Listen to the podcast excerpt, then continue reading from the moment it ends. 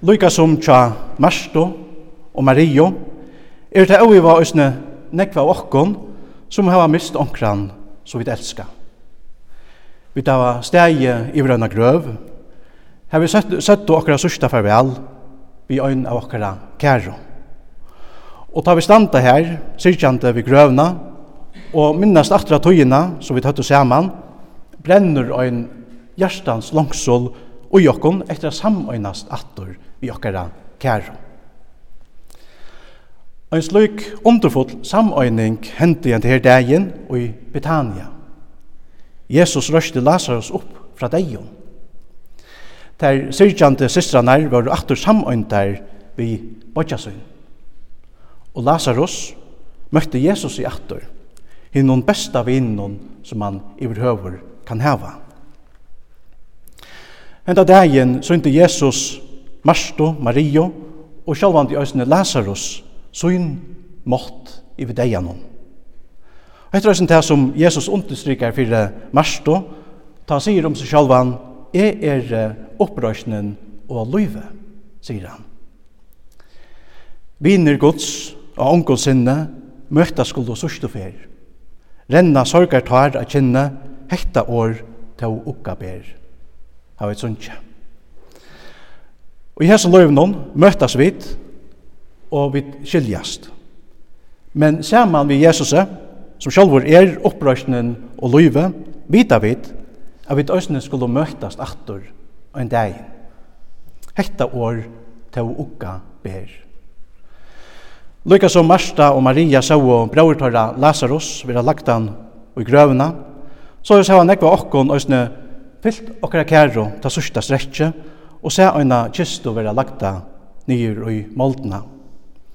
Og vi tar hørst årene er mold er du komin, at mold skal du vera, ur mold skal du atter rysa opp. Hvordan ber det til at vi tryggva at vi skulle møttast atter? Hvordan ber det til at vi tar oss av vana? Hvordan kunne vi synkjes i årene som vi tar synkje?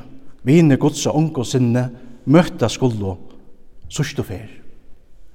Jo, hetta ber til, og hetta kommer vi av hjersta sinja, til at Jesus er han som han sier seg vera. Han er opprøsnen og løyve. Og öll okkara vøvn bæg i hesson løyvnån og i hinnon komande løyvnån er av løyslige tatt knukt at hinnon opprøsna Jesus. Okkara frelsera. Etla som Petur apostel sier, lova vår vere god og feir vår herra Jesu Kristus som etter mikl og miskunnsyni hefur endurfødt okkon til livande vånar fyrir opprøysn Jesu Krist fra deion. Det var Jesu opprøysn som gav hinnom uh, vånbrottna Petre en anutja og livande vån, som han bæg kunde liv på og som han òsne kunde dodge på. Og hans nek leie båskaperen hefur den samme måtten og i det.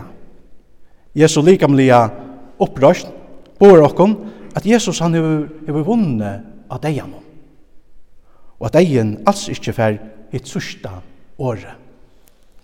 Nei, som Jesus reis opp, så lai skulle vit som tryggva han òsne reis opp. Opprøsningen hefur altså nekrar avmetalliga staurar fylgjer fyrir jokkum.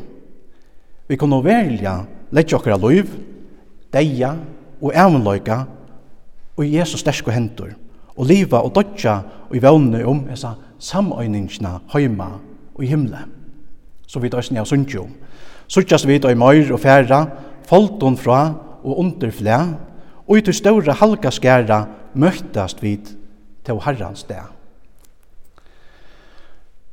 Og i dagsens tekste har vi lise at mennesker jøder kom til Marsto og Mario for jeg trøsta der, nå tar jeg at du mist tar jeg bodja, Lazarus.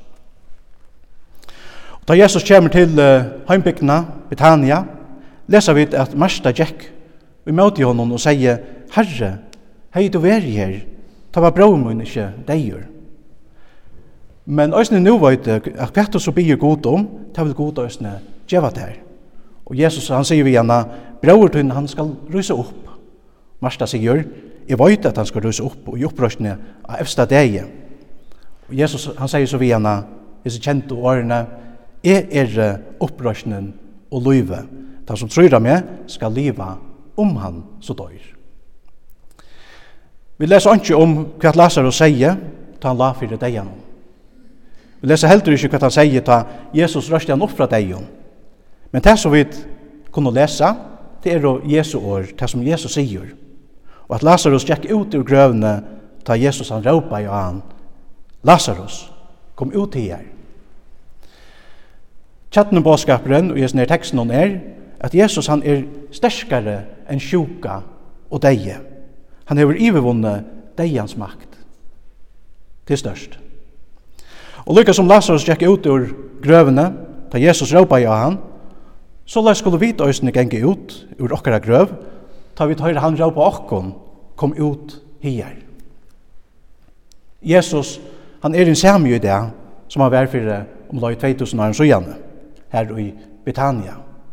Lykka som han kunne krype inn i støvene til Lazarus, Mersto og Mario, så kan han òsne krype inn i okkara liv og okkara støv og i det. Det kan vel være at vi hugsa lukka som Marsta og Maria Gjørto og sia og i okkara gjørstånd, Herre, hei du bare veri her, ta var hekta og hakta, ikkje hent.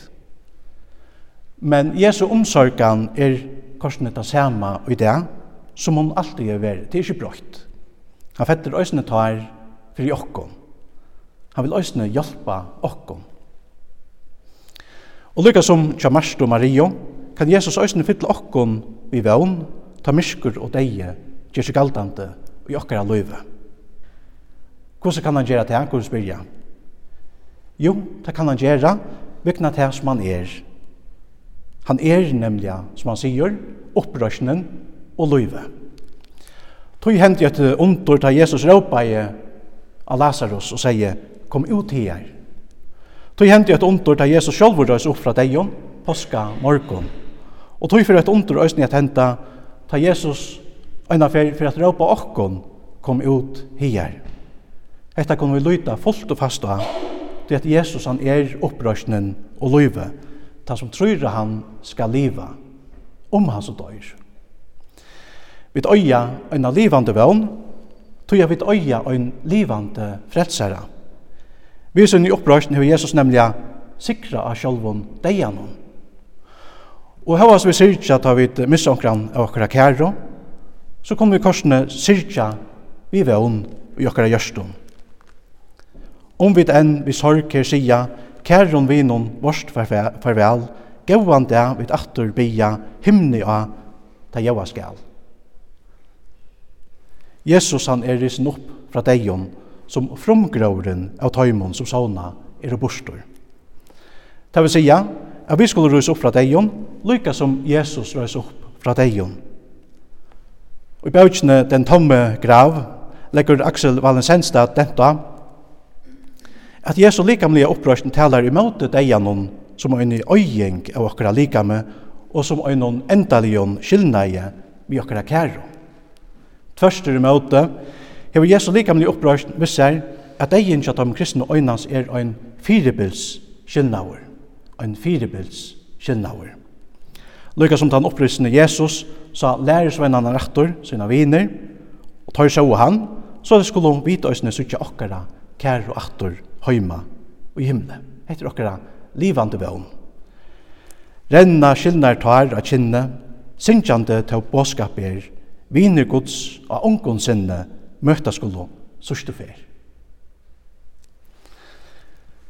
Lov og takk, og atler høyur, vil det her, god og varon, fægir sine og høylaven anda, som alltid hever være, er du alt du være øynsannor, trøyøynor god, halovor, fra fyrste opphavet, nu om atlar avr.